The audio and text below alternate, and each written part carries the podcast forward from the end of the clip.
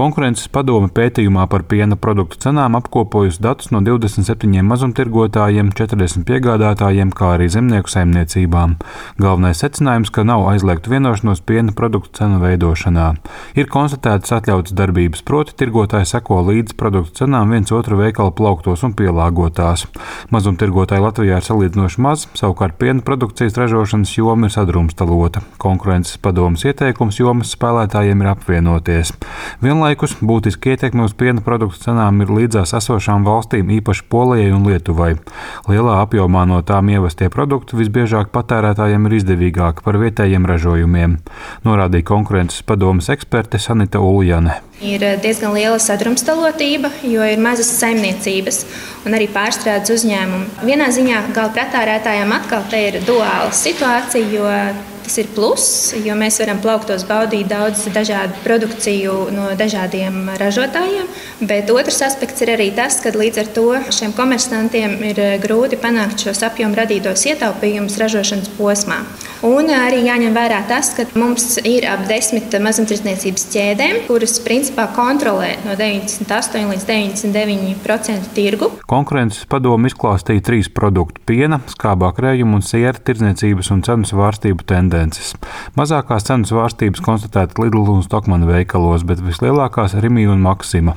Mazumtirgotāju ķēdēs, kas Latvijā veido vairāk nekā 50% no mazumtirdzniecības apjoma. Konkurences padomas pētījums aptver periodu no 2021. gada janvāra līdz šā gada maijam, tātad ietverot arī augstās inflācijas periodu. Piena cenas veikalos bijušas atbilstošas iepirkuma cenām, bet skābam krējumam un sieram cenu izmaiņas neizskaidrojumi bijušas novēlotas un nevienmēr atbildušas piena cenu izmaiņām. Pircējiem dzīvi neatvieglo arī produktu atšķirīgie fasējumi, tāpēc patērētāju tiesību aizsardzības centrs mudina vairāk uzmanības pievērst ne tikai atlaižu piedāvājumam, bet arī cenu zīmēs lasāmajai informācijai par produktu izmaksām mērvienībā. Piemēram, piemēram, kilogramā vai litrā, norādīja patērētāja tiesība aizsardzības centra vadītāja Baiva Vītoliņa. Tā ir viena no tādām metodēm, ko komersanti izmanto, maina produktiem iepakojumu lielumus Man ir sajūta, ka ar katru gadu iepakojums ar vien samazinās un samazinās. Vēsturiski varbūt bija tā 500 gramu krējums un 200 gramu krējums. Tad tagad jūs atradīsiet visos iespējamos daudzumos, kur pat cilvēks nevar aprēķināt, kas ir dārgāks vai lētāks. Tāpēc mēs atgādinām, ka ir iespēja skatīties šo mērvienības cenu. Viens no konkurences padomus ieteikumiem patērētāju interesēs ir arī veidot cenu salīdzināšanas rīku, kas ļautu ieraudzīt izdevīgāko cenu mazumtirdzniecības vietā lietās.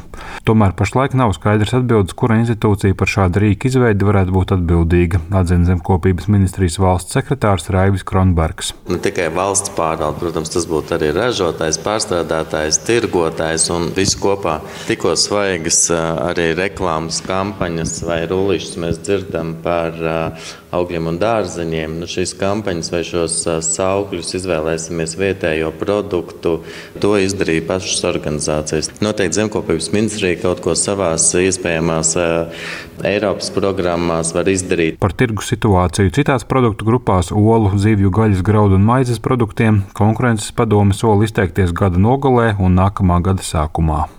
Jānis Kincis, Latvijas Radio.